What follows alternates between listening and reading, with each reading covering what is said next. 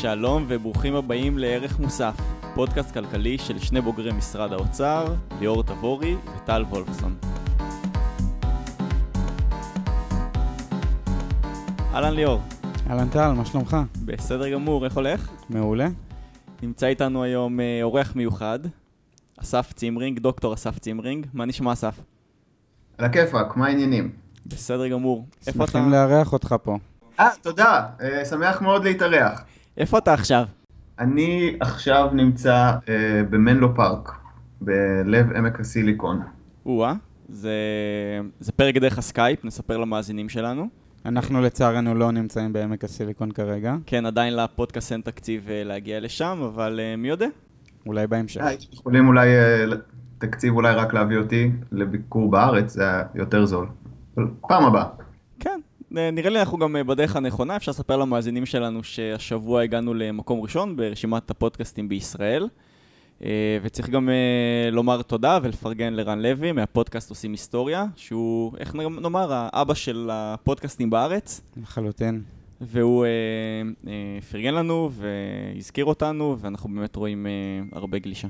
זה כמובן גם הזדמנות להמליץ בחזרה על הפודקאסט שלו, עוש- עושים היסטוריה, אתם מוזמנים למצוא את זה בגוגל או בפייסבוק, אה, והוא עוסק בהרבה נושאים, גם היסטוריים, גם טכנולוגיים, מדעיים, מאוד מאוד מעניין. אה, טוב, אז אה, אסף, בוא תספר למאזינים מי אתה ומה אתה.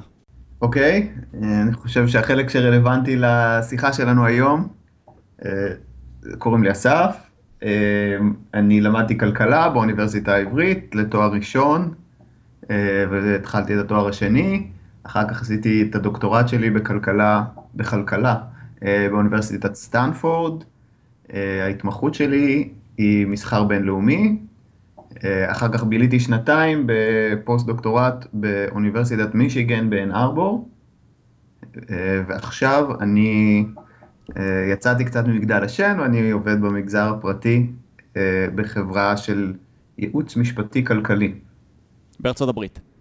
בארצות הברית. נכון, כן. ולאסף גם יש את הבלוג הנודע אה, מבוא לכלכלה ג', שאנחנו מעריצים גדולים שלו ושווה להזכיר אותו. נכון, אנחנו גם עוקבים אה, בקביעות, ו... אה, תודה, תודה.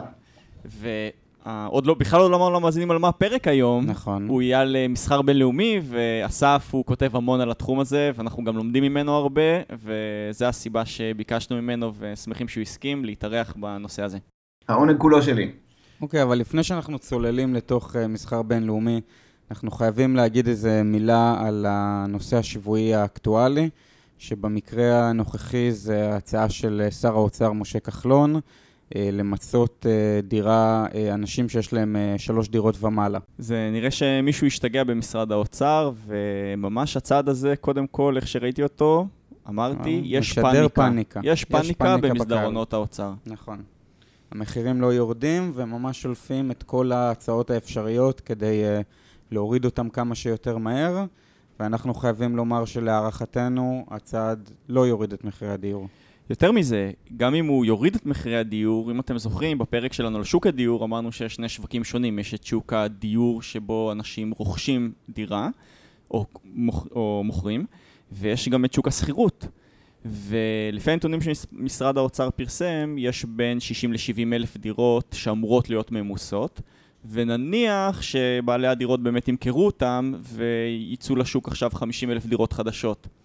עדיין צריך לזכור שיש בישראל בערך חצי מיליון אה, דירות שהן אה, מושכרות. ואז ברגע שההיצע של שוק השכירות יקטן בערך בעשרה אחוזים, זה אומר שהמחירים לסוחרים יעלו. נכון? כלומר, לא ברור איזה שוק פה מנסים uh, לעודד, ואני חושב שהממשלה מסתכלת uh, יותר מדי על המחיר של uh, דירה למכירה, uh, כשבעצם מה שאנחנו צריכים להסתכל זה על העלות של הדיור לכל אחד מהאזרחים, העלות שנגזרת מהשכר דירה או מהמשכנתה, אבל לא uh, מחיר הדירה עצמו. נכון, וזה גם uh, בהחלט מחזיר אותנו למה שדיברנו עליו בעבר, שבסופו של דבר הפתרון הוא בצד ההיצע. וזה פתרונות שאורכים זמן, ואין לאף אחד אפשרות uh, לעשות, לתת כאן uh, פתרונות קסם, ובהחלטה אחת להוריד uh, כמה שיותר מהר את מחירי הדירות, אבל הרבה פעמים לדרג הנבחר יש את המוטיבציות שלו, והוא צריך לתת קבלות לציבור. נכון. אז אה, טוב, נעבור לנושא העיקרי שאנחנו נדבר עליו היום, שזה מסחר בינלאומי. בואו נצא מנקודת uh, פתיחה מאוד פשוטה. יש תפיסה בציבור שייצוא זה דבר טוב ויבוא זה דבר רע. כן, זה, אני יכול להבין מאיפה האינטואיציה הזאת מגיעה. אה, זה מאוד ברור מאיפה מגיעה, אבל היא בהחלט אינטואיציה שגויה. בעצם הייתי אומר שיש אינטואיציה שלמכור זה דבר טוב, אנחנו מקבלים כסף כשאנחנו מוכרים דברים, כשאנחנו מוכרים מוצרים, וכשאנחנו קונים אנחנו מוציאים כסף, ולכן כשלוקחים את האינטואיציה הבסיסית הזאת של משק בית ומשליכים אותה על משק המדינה, אז יש איזושהי תחושה שכשאנחנו מייצאים ואנחנו מקבלים כסף מהעולם, אז מצבנו משתפר, כשאנחנו מייבאים אז מצבנו אה, נפגע. ואפשר גם להוסיף שהרי כשאנחנו מייצאים אנחנו בעצם מייצרים, נכון? אנחנו מגדילים את התעסוקה ואז אנחנו מוכרים את התוצרת לחו"ל, אז מן הסתם זה משהו שנשמע לנו מאוד מאוד טוב, שצריך לעודד אותו ולתמוך בו, ולקנות מחו"ל אז אנחנו גם מפסידים כסף, וגם זה יכול לאיים בתחרות על מפעלים ישראלים שייסגרו והאבטלה תגדל. ולכן יש אינטואיציה שהיא מאוד מאוד נפוצה בציבור, שאומרת, וגם בתקשורת, ואנחנו תכף נספר גם איך אנחנו ראינו את זה בעבודה שלנו במשרד האוצר, אבל התפיסה הזאת היא מאוד מאוד מושרשת. היא אומרת, ייצוא זה טוב, ויבוא זה לא טוב. יכול להיות גם שהתפיסה הזאת נובעת מזה שהרבה מאוד שנים היה גירעון בחשבון השוטף בישראל. ישראל בעצם אה, ייבאה יותר מאשר יצאה. לא היו פה דולרים? לא היו פה דולרים, נכון. יש סיפור מפורסם על פנחס ספיר, שהיה שר האוצר המיתולוגי של מדינת ישראל עוד בשנות ה-60. מספרים עליו שהוא היה מתקשר כל יום לנתב"ג לשאול כמה דולרים החליפו התיירים, לדעת שנכנסו דולרים לארץ. אז uh, יכול להיות שזה גם חלק מהתפיסה, שאנחנו צריכים לייצא יותר כדי שיהיו דולרים, אבל כמו שאנחנו נסביר וכמו שאסף יעזור לנו להסביר, מדובר בתפיסה שהיא שגויה לחלוטין ואין לה שום היגיון. אתמול uh, היינו בשדרות רוטשילד, ליאור בתור uh, נער אוצר uh, נתן שם uh, הרצאה, ובסוף ההרצאה בא מאזין, הוא בא, בא אלינו וסיפר שהוא שומע את הפודקאסט, uh, שיתפנו אותו בנושא הזה של uh, מסחר בינלאומי. והוא אמר, כן, אני לומד עכשיו בשנה א', שיצוא תורם לתוצר ויבוא גורע מהתוצר, אז uh, אנחנו רואים שהתפיסה הזאת היא גם רווחת אצל אנשים שיש להם השכלה כלכלית לפחות uh, מינימלית. נכון, אבל uh, אם אנחנו נסתכל לטווח הטיפה יותר ארוך, בטווח הקצר בהחלט זה נכון שיצוא מגדיל את התוצר ויבוא מקטין אותו. בטווח היותר ארוך אנחנו יודעים שזה לא עובד ככה. אסף, אני אשמח אם uh, תוכל להרחיב על הנושא הזה. בשמחה. אה, קודם כל אני חושב שאם נחזור לאינטואיציה שמגיעה ממשק הבית, שאנחנו אה, אולי אוהבים להרוויח כסף כשאנחנו עובדים, ואנחנו לא אוהבים לבזבז כסף כשאנחנו קונים דברים, זאת גם אינטואיציה שאם אנחנו חושבים עליה רגע, היא לא נכונה, כלומר, היא לא מדויקת. אה, המטרה של, הסיבה שאנחנו אוהבים להרוויח כסף אה, זה כדי שאנחנו נוכל להוציא את הכסף הזה על דברים שאנחנו רוצים לקנות. המטרה של אה, להרוויח כסף היא לא רק, אולי יש לזה יתרונות אחרים, אבל היא לא רק שיהיה לנו כסף בבנק, היא כדי שאנחנו נוכל לקנות עם הכסף הזה דברים. אז גם ברמת משק הבית, האינטואיציה הזאת היא לא מדויקת. כשזה מגיע לרמת מדינה, אז העיקרון הזה הוא לא מאוד שונה. מה זה יצוא? יצוא זה אומר שהרבה ישראלים, ויש לכם את המספרים, אנחנו נוכל לעבור עליהם עוד מעט. חלק גדול מהישראלים, חלק גדול מאוד ממה שמיוצר בישראל, אף ישראלי לא נהנה ממנו. אנחנו שמים אותו על אוניות ואנחנו שולחים אותו לחו"ל. אה, זה לא... אין בזה תועלת בלשים דברים... אפשר לומר במילים אחרות שהמטרה של הייצוא היא לייבא. כן, כמו שהמטרה של משק בית שיוצא לעבוד ומרוויח כסף היא כדי לקנות דברים. אה, שוב, זה לא בדיוק אותו דבר, תמיד צריך להיזהר כשמשליכים ממשק בית למדינה, אבל ההיגיון הזה הוא די הוא עובד בשני המקרים, שהמטרה של זה שאנחנו שמים דברים על אוניות ושולחים אותם לחו"ל, זה כדי שהסינים או האמריקאים או מי שזה לא יהיה, ישים דברים שהם מייצרים על אוניות וישלחו אותם אלינו, אנחנו לא שולחים מתנות. אז למה, למה לדעתך התפיסה הזאת היא מאוד מאוד מושרשת בציבור?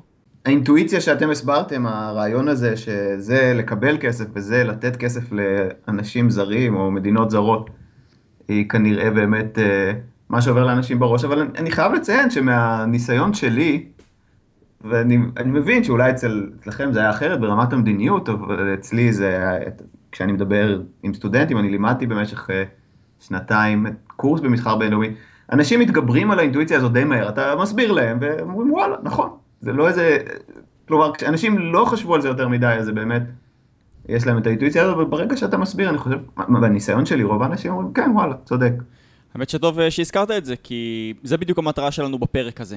המטרה שלנו בפרק הזה היא לשבור את הדיכוטומיה הזאת שיצוא זה טוב ויבוא זה רע, ואנחנו רוצים uh, לומר שלהעדפה הזאת אין בעצם uh, היגיון.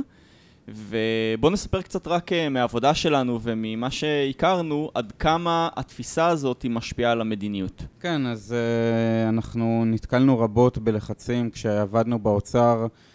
כל מיני לחצים של בעלי מפעלים, של בעלי אינטרסים במשק הישראלי, שבעצם באו לדבר עם נבחרי הציבור, עם שר האוצר ועם סגן שר האוצר, או פקידים בכירים אה, אה, בשירות הציבורי וניסו לשכנע אה, לעשות צעדים שיתמכו בייצוא או לחילופין צעדים שימנעו יבוא בגלל החשש שזה יגרום לאבטלה. יש המון הצעות כאלה, הן כל הזמן עולות על הפרק, ולדרג מקצועי הרבה פעמים מאוד מאוד קשה להתנגד אה, ברמה העקרונית. ולכן אמר, אמרנו נעשה את הפרק הזה. אנחנו רוצים להשריש את החשיבה הכלכלית, לתת את ההיגיון של איך אנחנו מסתכלים על זה, ולמה הממשלה לא צריכה לעודד ייצוא או לחסום יבוא. ובוא נאמר, אני... בדיוק אה, שבוע שעבר הייתה אה, דוגמה של פרסומת בדה מרקר בסוף שבוע, שמשרד הכלכלה מתגאה, שאני מקריא את זה עכשיו, הוא כתב ב-2015 אישרנו מענקים והטבות של עשרות מיליוני שקלים ליצואנים, כן? זאת אומרת, יש כאן איזה הקצאה של הרבה מאוד משאבים ציבוריים שהולכת למשהו שכמו שאנחנו נראה, אין לו בעצם שום אה, היגיון. נכון, כשאני רוצה להוסיף עוד שתי נקודות על הנושא הזה, בעצם אנחנו רואים שהמדיניות הציבורית היא עושה כמה דברים. אחד, היא מנסה אה, לחסום את היבוא. יש אה, הרבה פעמים מכסים גם על דברים שאנחנו לא ממש מייצרים בארץ, גם על דברים שאנחנו כן מייצרים אבל אנחנו לא טובים בלייצר. אה, יש כל מיני מגבלות שונות, למשל אה, אנחנו יודעים שמכון התקנים אה, יש לו תקן ישראלי להרבה מוצרים והרבה פעמים קשה לייבא מוצרים שהם עומדים בכל התקנים הבינלאומיים והם נמכרים בעולם אבל לארץ אי אפשר לקנות אותם בגלל אותם מגבלות.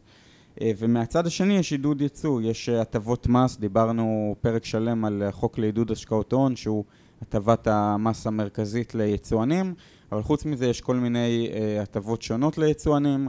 אה, המדינה מעודדת יצואנים גם על ידי אה, ביטוח סיכוני סחר החוץ שלהם. וגם לאחרונה הייתה את ההצעה של שר האוצר להוריד מס חברות לחברות הייטק כי הן מייצאות, כן? זה היה הטענה. נכון. אגב, אני חושב שזה היה, יש טיעון, הוא, אני לא בטוח שאני מסכים איתו, אבל הוא לא פסיכי בהחלט, למה אולי כדאי להוריד מיסים על חברות הייטק בגלל כל מיני סיבות של לחצנות. שוב, אני לא יודע אם אני מסכים, אבל זה יש לי... לקחת את זה לבגלל שהן מייצאות, זה כבר... אה, אין בזה נכון, שום...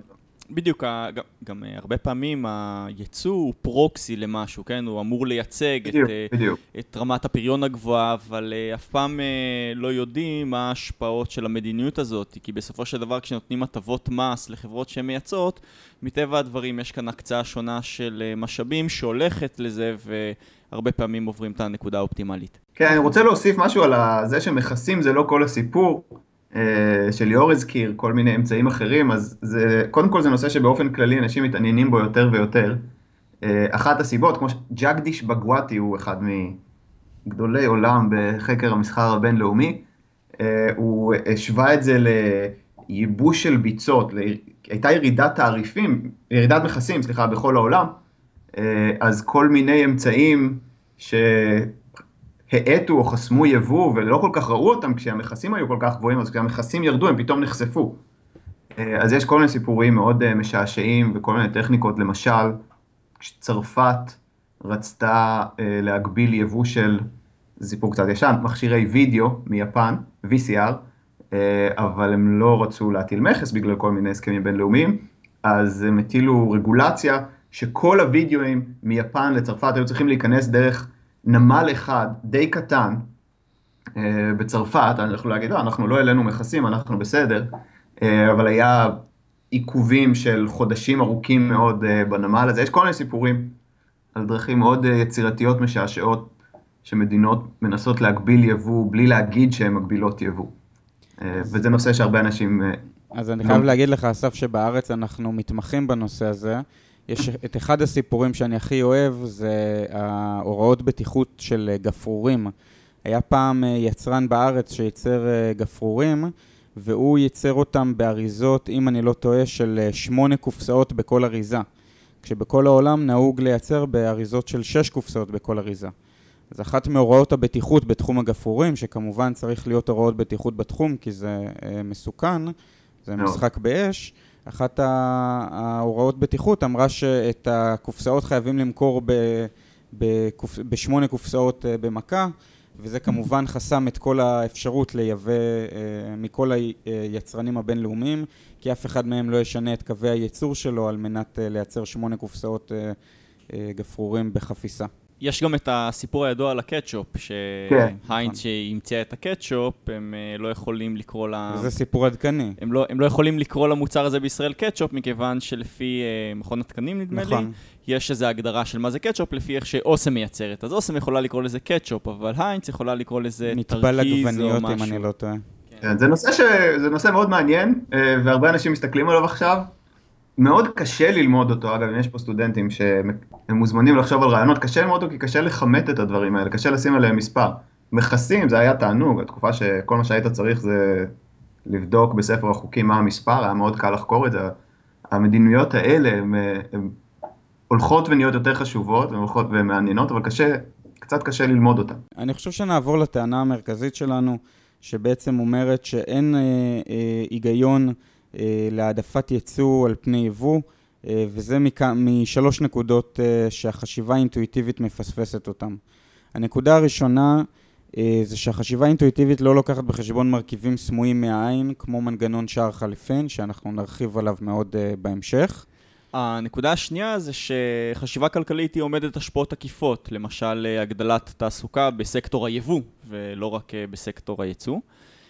ולבסוף היא מנתחת uh, גם uh, השפעות לטווח קצר וגם השפעות לטווח ארוך. אני חושב שהתחום הזה של ש... אבטלה הוא מאוד מאוד רלוונטי בעניין הזה. הרבה פעמים מדיניות שקשורה לסחר חוץ יכולה להגדיל את האבטלה בטווח הקצר, אבל כשמסתכלים לטווח הארוך אנחנו רואים שהמשק מרוויח. נכון. אז בואו ניתן כמה נתונים על סחר החוץ בישראל. צריך להבין שישראל היא מה שנקרא מדינה קטנה ופתוחה, כלומר אחוז מאוד גדול ממה שאנחנו מייצרים, אסף הזכיר את זה, אחוז מאוד גדול מזה בעצם הולך לחו"ל, הולך uh, בעיקר לארצות הברית ולאירופה. מצד שני, אחוז מאוד גדול ממה שאנחנו צורכים זה בעצם uh, יבוא. בערך 40 אחוז מהמספרים שאנחנו זוכרים אה, בערך 40 אחוז אה, מהתוצר הישראלי אה, מיוצא, וסכום קרוב לזה זה היבוא. אני רוצה להדגיש את הנקודה הזאת. הרבה פעמים בכלל בשיח הציבורי, כשמדברים על נושאים כלכליים, מדברים על נושאים של חלוקת משאבים, כן? כמה הולך לעשירים, כמה הולך לעניים, כמה הולך למעסיקים, כמה הולך לעובדים. אבל אחת הנקודות הכי חשובות שמאתגרות כלכלנים זה צמיחה. איך אנחנו מבטיחים שהמשק יצמח, ו... או במילים אחרות, מהם מקורות הצמיחה של המשק. ומכיוון שהמשק הישראלי הוא משק קטן ופתוח, סקטור הייצוא הוא במשך הרבה מאוד שנים היה, ואנחנו מקווים שהוא גם ימשיך להיות, מנוע הצמיחה של המשק. הגידול בייצוא, הגידול בסחר העולמי, הוא מה שמאפשר לנו חיים ברמה שהולכת וגדלה. נכון, ואנחנו גם יודעים שהפריון בענפים המייצאים זה קצת אה, ביצה ותרנגולת, אבל הפריון ב... בענפים המייצאים הוא יותר גבוה מאשר הפריון בענפים שלא מייצאים. אה, יש אה, שקף מאוד יפה ממרכז טאוב, שמראה איך הפריון בישראל עולה בענפים שבהם יש חשיפה ליבוא. אה, והענפים שבעצם אה, הפריון שלהם הוא הכי גבוה זה הענפים שמייצאים את עיקר תוצרתם לחו"ל. יש פה גם היגיון, כי הרי אם יש מפעל שיש לו עובדים שהם אה, חכמים ויש להם יתרונות מסוימים והם עדיין, הם ברמה כזאת שהם יכולים להתחרות בשוק הבינלאומי, אז, אה, אז זה, זה מסביר את זה. זאת אומרת, עצם זה שהם ברמה גבוהה, הם יכולים לדחות בשוק העולמי, ולכן... אה, נכון, לכן אמרתי, זה עניין של ביצה ותרנגולת. ברור שמי שיש לו פריון גבוה ייצא, וברור שמי שמייצא יש לו פריון גבוה. אז זה קצת אה, אחד מולך לשני. אוקיי, okay, ועכשיו בעצם אז uh, באה השאלה שכלכלנים מתמודדים איתה. אנחנו רוצים להעלות את הפריון בכל הענפים במשק. אז על פניו, תגיד, בוא נחשוף את, ה... את כל הענפים שהם לא חלק מה... שהמסחר הבינלאומי בהם הוא לא דומיננטי, נחשוף אותם למסחר, למשל, נפתח את היבוא. וכאן אנחנו רואים הרבה התנגדויות, ואסף, נרצה עכשיו שתעזור לנו לנתח את זה מבחינה כלכלית, למה. ההיגיון הזה הוא שגוי. אולי uh, נתחיל ממשהו טיפה יותר קטן ולאט לאט נרחיב את uh, גודל היריעה. Uh, בואו נדבר על איך עובד בעצם מנגנון של שער חליפין.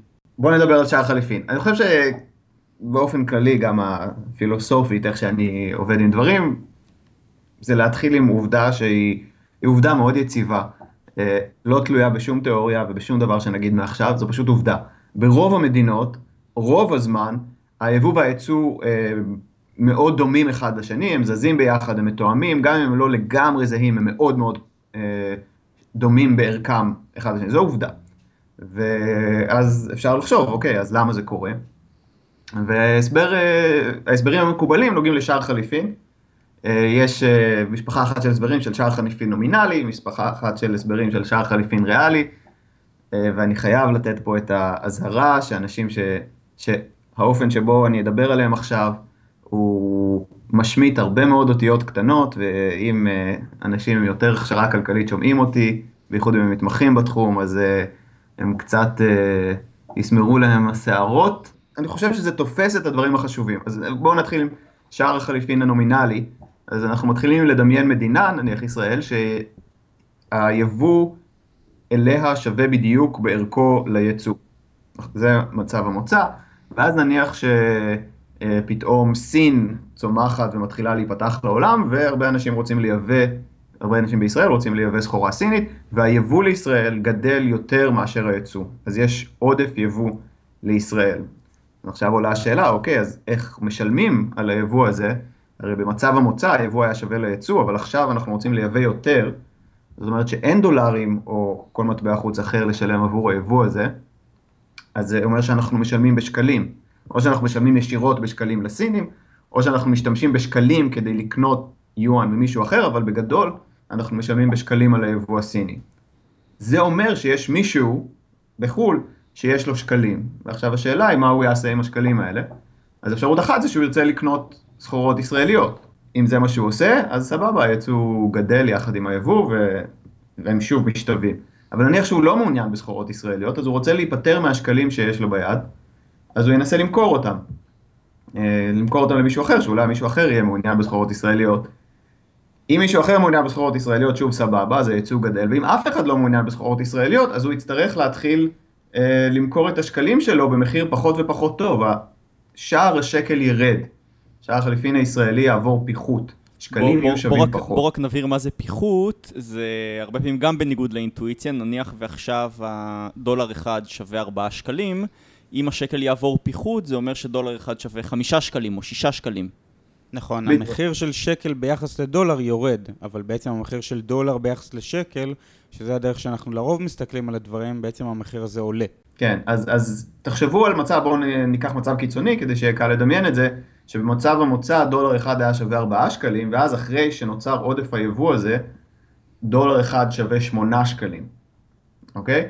אז עכשיו תחשבו על יצואן ישראלי, שקודם הוא מכר את הסחורות שלו לאמריקאים נניח ב-100 דולר, וקיבל תמורת זה 400 שקלים.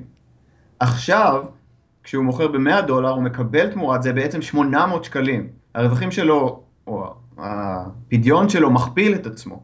זה okay, אפילו, הוא... אפילו יותר מזה, זה גם נותן תמריץ להרבה מאוד אנשים פתאום להתחרות בשווקים שהם לא התחרו בהם לפני כן, כי המרווחים יכולים להיות הרבה יותר גבוהים. בדיוק, זה, זה מי שהצליח למכור ב-100 דולר, אבל אם נניח 100 דולר זה היה קר מדי, אה, אז עכשיו הוא יכול למכור ב-70 דולר. כי 70 דולר היום פתאום שווים הרבה יותר מאשר 100 דולר פעם. אז זה, וזה דבר שאנחנו רואים שיצואנים הרבה פעמים מאוד מעוניינים בו, זה שיהיה פיחות. אה, כי הפיחות הופך את הייצוא הישראלי ליותר תחרותי, ואני מזכיר שהתחלנו את הסיפור הזה בזה שהיה לישראל עודף יבוא, ואנחנו תיארנו איזושהי שרשרת תהליכים של שער החליפין הנומינלי, שבסופו של דבר תפעל להגדיל את הייצוא מישראל, וזה אחד ההסברים למה אנחנו רואים uh, שיש דמיון כל כך uh, עיקש בין הערך של היבוא לערך של הייצוא, ברוב המדינות רוב הזמן, לא כולם, לא תמיד, אבל רוב המדינות רוב הזמן. והסיפור הזה הוא גם כן נכון כשהייצוא גדל ולא רק היבוא גדל. כן, זה, זה תהיה בדיוק תמונת ראי של זה, אה, אם הייצוא הישראלי גדל יותר מאשר היבוא הישראלי, אה, אז מה שיקרה זה שישראלים עכשיו מחזיקים דולרים, בגלל שייצאנו יותר מאשר ייבאנו, ומה הם יעשו עם הדולרים האלה? אז דבר אחד זה הם יקנו אייפונים, הם פשוט יגדילו את היבוא, ואז שוב הייצוא והיבוא יחזרו להיות אה, שווים זה לזה, או שוב אותו סיפור, אם הם לא, הם חושבים שאייפון יקר מדי, אז הם ינסו להיפטר מהדולרים, מי שמחזיק דולר ינסה להיפטר מהדולר, ינסה למכור אותם במחיר יותר זול, ואז זה אומר תיסוף של השקל, שקל הופך להיות חזק יותר, וזה אומר שהיבוא נהיה זול יותר. כלומר, מה ש... בואו נניח שהייסוף של השקל הוא מאוד קיצוני, הוא מ-4 שקלים לדולר ל-2 שקלים לדולר, אז אם לפני כן אייפון עלה 2,000 שקל, אחרי האיסוף הוא עולה רק 1,000 שקל, נהיה הרבה יותר זול לקנות אייפון, וזה יעודד את היבוא. יש תמריץ רציני לייבא. בדיוק. וזה בעצם גם מוריד את יוקר המחיה. אבל על זה עוד מעט ניגע, אולי כשנדבר על uh, רכישות המטח של בנק ישראל ועל ההשלכות שלהן. אוקיי, okay, אז מה המנגנון השני? המנגנון השני הוא שער חליפין ריאלי. שוב, נתחיל עם מצב שבו המשק מאוזן לגמרי, היבוא שווה ליצוא, ואז נניח שהיצוא גדל יותר מהיבוא, אוקיי? אם היצוא גדל יותר מהיבוא, זה אומר שדולרים נכנסים לישראל, ונניח בצד לרגע את שער החליפין הנומינלי, דולרים נכנסים לישראל, ונניח שבנק ישראל קונה אותם, ושם אותם בצד, אה, מה זה אומר שהוא קונה אותם? זה אומר שהוא משחרר שקלים לשוק. אם הוא משחרר שקלים לשוק, אז כמות הכסף, כמות השקלים שמסתובבת במשק גדלה, ואחרי איזשהו זמן, זה לוקח קצת זמן, אבל אחרי איזשהו זמן, זה ייתן לדחוף את המחירים אה, בישראל כלפי מעלה, את המחירים כלפי מעלה, את השכר כלפי מעלה, וזה אומר, כשהשכר בישראל גבוה יותר, כשהמחירים בישראל גבוהים יותר, שהייצוא הופך להיות קשה יותר, היצואנים צריכים לשלם שכר גבוה יותר, אז אם היצוא הופך להיות פחות כדאי, זה ידחוף את היצוא כלפי מטה, ומצד שני, כמו שאמרנו, המחירים בישראל עולים, אז זה הופך את היבוא, אם אתה צרכן ישראלי, ליותר משתלם, ליותר כדאי. אז שוב, אנחנו מתארים פה איזושהי שרשרת שמתחילה בזה שהייצוא גדל יותר מהיבוא, ואז מתחילה איזושהי שרשרת אירועים שמסתיימת בזה שיש אה, תמריץ חזק לייבא, להגדיל את היבוא ולהקטין את הייצוא, כך שהיבוא והייצוא יחזרו להיות דומים זה לזה. נאמר למי שלא מגיע מהתחום הכלכלי והמונחים של שער חליפין נומינלי וריאלי מבל, מבל, מבלבלים אותו אותה קצת, שזה פחות משנה המונחים האלה. מה שאנחנו רוצים להבהיר זה את התיאוריות, זה את הסיפורים האלה שאנחנו אה, מנתחים איתם את מה שקורה במציאות בשביל להראות שהייצוא והייבוא הולכים בעצם ביחד ואין שום היגיון לעודד או לחסום אחד מהם. כן, אורך זמן זה גם לא אפשרי כנראה, וגם uh, מה הטעם, כלומר אין איזה, אנחנו לא נהנים מזה ש... תחשוב, כל, הרבה מהמהנדסים הישראלים הכי מוכשרים, הם עובדים בלייצר דברים שלא, אף ישראלי לא נהנה מהם, שולחים אותם לחו"ל. אז ברור ש... או לא יודע ברור, אבל צריך להבין שהסיבה לזה היא שמקבלים משהו בתמורה. זה מעבר לכל התיאוריות וההסברים. אה, נכון. אנחנו נרצה גם להרחיב טיפה לגבי היתרונות של תחרות בינלאומית. אה, אני אשמח, אסף, אם אתה תתאר למאזינים שלנו מה... מה בעצם היתרונות בזה שהמשק הישראלי אה, יהיה יותר פתוח ליבוא, ולכן, כמו שאתה תיארת, אם הוא יהיה יותר פתוח ליבוא, אז גם הוא יהיה יותר פתוח לייצוא. אוקיי, uh, בשמחה. אז uh, אחרי שמבינים את הבסיס וזה שסחר בינלאומי זה דרך דו-סטרית, זה אנחנו גם מייצאים ומייבאים, אז עולה השאלה האם יש בזה איזשהו יתרון ומהם היתרונות בזה שאנחנו מייצאים ומייבאים במקום לעשות את הכל בעצמנו או לעשות יותר בעצמנו. Uh, אז אני אתאר עכשיו שלושה סוגים של יתרונות, הם גם אגב היסטורית, זה היה הסדר שבה המחקר דיבר עליהם לא יודע אם גילה אותם או ניסח אותם, אבל uh, בשלבים המוקדמים ביותר של מחקר של סחר בינלאומי, שזה מתחיל בריקרדו, ויש אנשים שאומרים שזה מתחיל קצת לפני, uh, תמיד יש ויכוח על מי היה הראשון, אבל מקובל לייחס את זה לריקרדו, זה ברמת המשק, uh, אתה,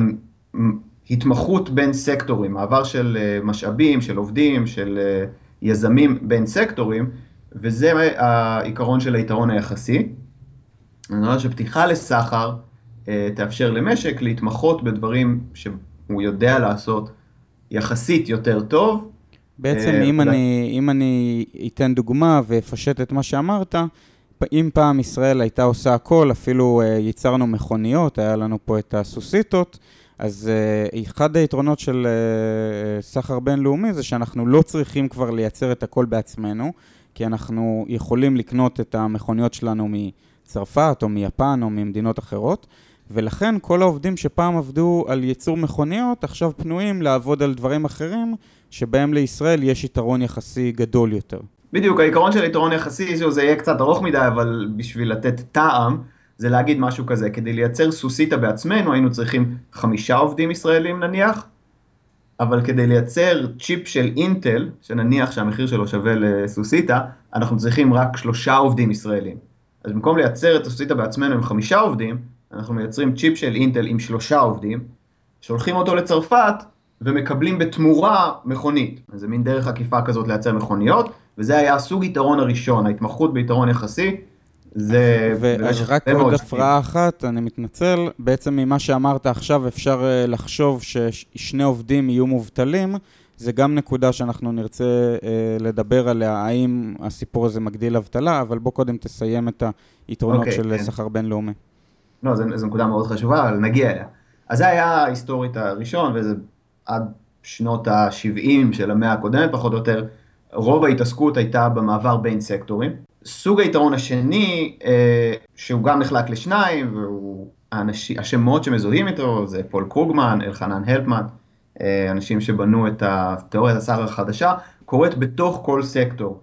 אה, פתיחה למסחר בינלאומי מאפשרת יעילות יותר גדולה בתוך כל סקטור. אז מעבר לזה שאנחנו הפסקנו לייצר מכוניות והתחלנו לייצר צ'יפים של אינטל למשל, אנחנו נהיינו יותר טובים, פתיחה למסחר מאפשרת לנו להיות יותר טובים בייצור שבבים של אינטל, בייצור שבבים של מחשבים, וזה עובד דרך שני מנגנונים.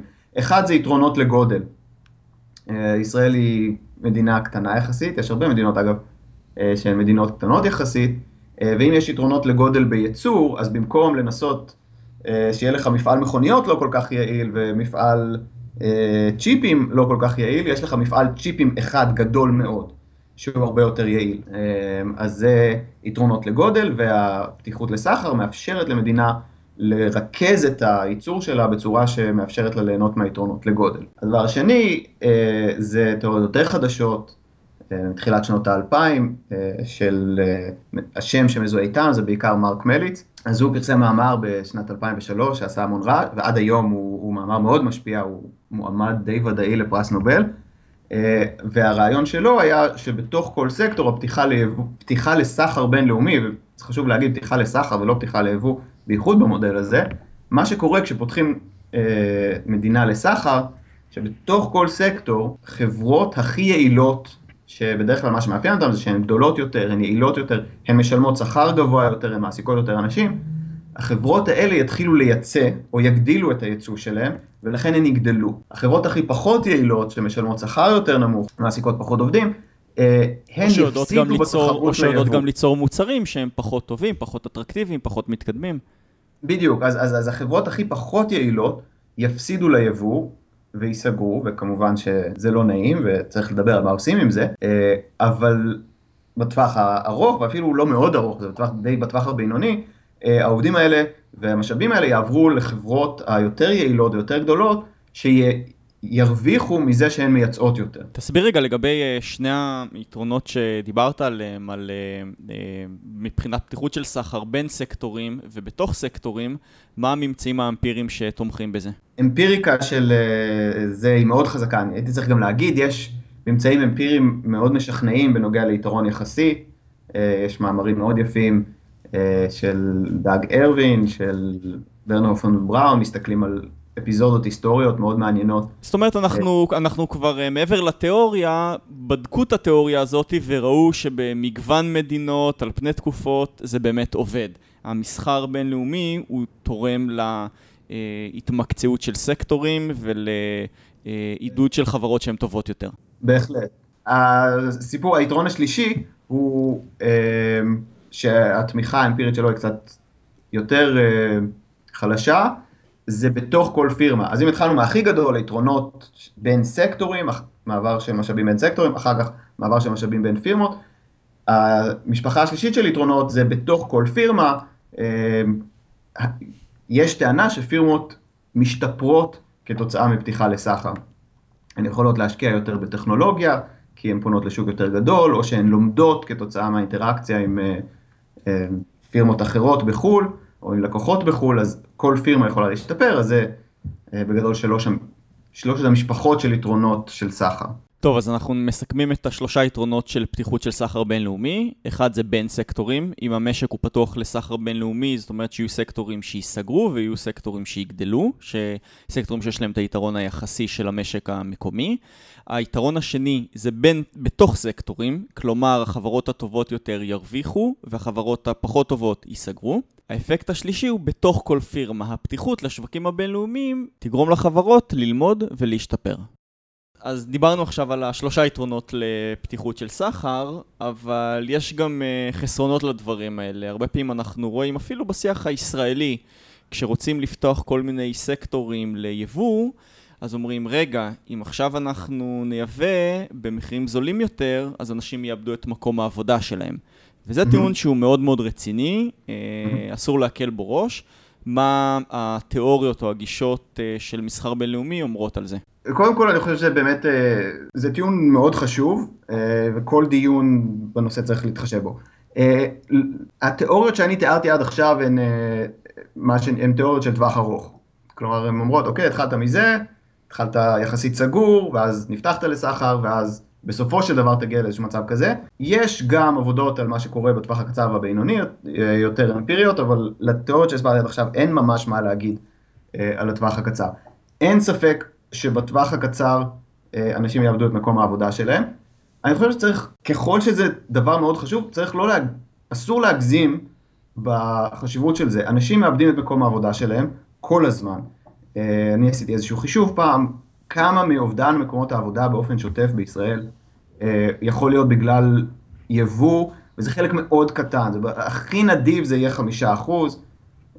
עכשיו היו כמה עבודות על ארה"ב שאמרו ש...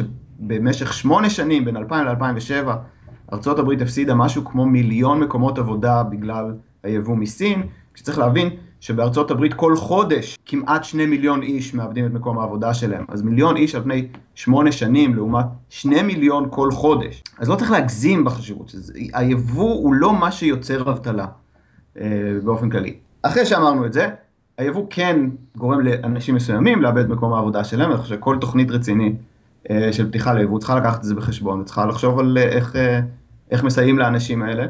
ובאופן כללי, אם אתה פתוח לתחרות עם כל העולם, אז אי אפשר לדעת מי תהיה התעשייה הבאה שתיפגע. אולי עכשיו אנחנו יודעים מי התעשיות שיפגעו מיבוא, אבל עוד חמש שנים, לך תדע מה סין תבחר להתמחות בו. זה יכול להפוך את כל המשק לקצת פחות יציב, מקומות העבודה לפחות יציבים. זה בהחלט שיקול שצריך לקחת אותו בחשבון. אגב, יש מחקר של בנק ישראל שבודק את זה, והוא מראה שמי שעובד בענפים שפתוחים ליבוא, אז uh, המקום עבודה שלהם הוא פחות יציב בטווח הקצר, אבל בטווח הארוך יש להם הרבה פחות uh, סיכוי להיות uh, מובטלים. בעצם מה שהוא אומר זה אנשים שמתמחים ביתרון יחסי ולא נסמכים על איזושהי מדיניות מגן פרוטקציוניסטית של הממשלה, ולכן גם אם הם מאבדים את העבודה שלהם, הם יוכלו למצוא עבודה חדשה. לעומת מי שמוגן על ידי הממשלה, שאם הוא מאבד את העבודה שלו, גם אם זה לא בסבירות גבוהה, אז, אז הוא מאוד יתקשה למצוא עבודה חדשה. אני רוצה לחזק את מה שאתה אומר, ליאור. אני בדקתי לפני כמה חודשים את התחום הזה של ה-Flex Security במדינות סקנדינביה. אה, זה מאוד דומיננטי בדנמרק, זה מדיניות שאומרת שאפשר לפטר מאוד מאוד בקלות, ממש כמעט, לא יודעת, בהתראה של אולי שלושה ימים. מצד שני, יש אה, מנגנונים גם של אה, אה, אבטלה וגם של הכשרה מקצועית שמפצים על זה. ובשוק העבודה בדנמרק יש שיעורים מאוד מאוד גבוהים, אם אני זוכר נכון, משהו כמו 20% מהעובדים בכל שנה מחליפים את מקום העבודה שלהם. זאת אומרת ש... והסף... אבל האבטלה היא יחסית נמוכה שם. והאבטלה היא יחסית נמוכה. אז כשמעצבים מדיניות כלכלית או תנאי עבודה של משק, מה שצריך לדאוג זה לא רק כמה אנשים יאבדו את מקום העבודה שלהם, אלא איך אנחנו יוצרים פעילות כלכלית כזאת שאנשים יוכלו לחזור לשוק העבודה. נכון. יש, יש טענה, אגב, היא לא, גם, היא קצת, יש אנשים שלא מסכימים איתה, אבל יש טענה שמה שיוצר אה, אבטלה גבוהה, כשאנחנו רואים שיש מיתון ואבטלה גבוהה, זה לא תקופות שבהן יותר אנשים מאבדים את מקום העבודה שלהם, זה נשאר פחות או יותר יציב, זה שפחות אנשים מוצאים מקומות עבודה חדשים. מעניין מאוד. אני רוצה להוסיף עוד משהו שהוא, אה, יש טיעון חזק נגד פתיחות לסחר, אה, או אני לא יודע אם הוא נגד פתיחות לסחר, אבל על החסרונות של פתיחות לסחר, וזה ההשפעה שלו על אי שוויון. גם אחרי שהאנשים שאיבדו את מקום העבודה שלהם ימצאו, מקום, ימצאו מקום עבודה חדש, אה, כלומר, גם בטווח הארוך, כשמדינה כמו ישראל, שהיא בסך הכל מדינה עשירה, מדינה מפותחת, נפתחת לסחר, אז מי שמרוויח מזה לפעמים, זה האנשים שמראש היה להם שכר יותר גבוה. כלומר, מי שלפני כן היה מהנדס, שאולי עבד אה, בחברה שייצרה לשוק המקומי, עכשיו הוא יהיה מהנדס שעובד בחברה מייצאת וירוויח אפילו עוד יותר כסף. מי שעבד בטקסטיל, אה, אז לא רק שהוא כנראה יאבד את מקום העבודה שלו, אבל אפילו כשהוא ימצא מקום עבודה חדש, אז מקום העבודה החדש הזה, אה, יכול להיות שהשכר שלו פחות יגדל, או אולי אפילו לא יגדל בכלל, וככה אי שוויון במשק, יש טיעון חזק, והוא די נתמך אמפירית, לא באופן מושלם, שזה, שפתיחה לסחר מגדילה את האי שוויון הכלכלי. זה נכון במדינות המערב, אבל אם אנחנו נסתכל על אה, מדינות כמו הודו וסין, אני לא בטוח שזה הסיפור שם. שם דווקא האי שוויון, עד כמה שאני יודע, קטן, וצריך לזכור שרק הודו, רק אחת משתי המדינות האלה, לבד היא בגודל של כל העולם המערבי. אז חלק ממה שאנחנו רואים היום אה, גם באמפיריקה ובמחקרים, זה בעצם תוצאה של משהו שההיסטוריה לא ידעה כדוגמתו, תהליך הגלובליזציה שהוא בסקאלה מטורפת, כשגם סין וגם הודו בעצם הצטרפו פה למשחק הבינלאומי. כן, זה, זה נכון, זה, מדדי האי שוויון בסין והודו זה קצת תלוי איזה מדד אתה משתמש, יש אין ספק כמות מטורפת של אנשים בהודו וסין שהצטרפו למעמד הבינוני הגלובלי, יצאו מעוני אה, מאוד עני ל... מהמדינה, מצד שני גם נוצר איזה מעמד של ביליונרים שלא היה קיים קודם, אבל אה, כן, ההשפעה של סחר על אי שוויון במדינות האלו היא, היא מסובכת, סיפור יותר מסובך, אה, אבל במדינות מפותחות זה בהחלט, זה אחד הגורמים, אני לא חושב שזה הגורם הכי חשוב, אבל זה אחד הגורמים שיכולים אה, להגדיל את האי שוויון, וזה בהחלט דבר שצריך לקחת אותו בחשבון. מצד שני, אותנו מעניינים משקים מפותחים כמו בישראל. צריך לזכור שמכסים זה מס עקיף, זה מס רגרסיבי, הוא אפילו יותר רגרסיבי מהמע"מ. בגלל שלא רק שמשקי בית עניים צורכים חלק יותר גדול מההכנסה שלהם, אלא שחלק יותר גדול מההכנסה שלהם, יש מחקרים שמראים את זה בצורה מאוד משכנעת, חלק יותר גדול מההכנסה שלהם הוא על מוצרים מיובאים, אה, ובגלל זה גם כשחושבים על היחס בין אה, פתיחות לסחר ואי שוויון, אז צריך לזכור שבעצם כשאתה מנסה להפחית את האי שוויון על ידי מכסים, אתה מנסה להפחית את האי שוויון עם מיסים שמגדילים את האי שוויון, שזה אולי לא רעיון מאוד טוב. אני רוצה שנתחיל אה, לסכם, זה שדיברנו גם על האי שוויון ודיברנו גם על האבטלה, אלו באמת אה, סוגיות שאסור להקל ראש בהן, והן אה, באמת חשובות כשרוצים לפתוח את המשק ליבוא, אבל, ו- וכמובן יש גם סייגים, כמו שאנחנו יודעים, הרבה פעמים אנחנו רוצים למנוע סחר בינלאומי, למשל למנוע ייצוא של פיתוחים ביטחוניים, כי אנחנו רוצים לשמור על יתרונות יחסיים בתחום מסוים, כן? או לפי מבחינה אידיאולוגית, ערכית, אנחנו רוצים לשמור על סקטור מסוים ולהגן עליו. מה שניסינו לעשות בפרק הזה, זה להראות איך, uh, באיזה ערוצים הייצוא והיבוא עובדים, ולשבור את התפיסה שאוטומטית צריך להמשיך לעודד את הייצוא, ואוטומטית צריך להמשיך ולחסום את היבוא. יכול להיות שיש סיטואציות מסוימות שכן שווה לעשות את זה, אבל לא תמיד. וזה היוצא מן הכלל שלא מעיד על הכלל. בדיוק. אה, ואנחנו רוצים כמובן אה, להודות לאסף שהיה איתנו. אסף, תודה רבה, היה מצוין. אה, תודה לכם, היה מעניין. אנחנו מאוד החכמנו מהניסיון שלך, אז תודה, גם בפרק עצמו וגם נספר למאזינים שבהכנה לפרק אנחנו למדנו הרבה מאוד מאסף על סחר בינלאומי. זה המקום שוב פעם להזכיר את הבלוג של אסף, מבוא לכלכלה ג', מוזמנים לחפש את זה בגוגל או בפייסבוק. אני מסמיק, ואתם גורמים לי להרגיש קצת זקן, אבל תודה. טוב, אנחנו גם uh, מזמינים אתכם uh, להמשיך ולשלוח לנו רעיונות, גם לנושאים uh, שאתם רוצים שנעסוק בהם בפודקאסט, ואפילו איך uh, להגיע לקהלים חדשים, אנחנו חושבים על זה הרבה. אז אתם מוזמנים לכתוב לנו דרך האתר או הפייסבוק, והגענו לסוף. אז uh, תודה רבה לכם, תודה אסף, תודה ליאור. אני הייתי טל וולפסון. אני הייתי ליאור תבורי. אנחנו היינו ערך מוסף, ונתראה בפעם הבאה. שבוע טוב.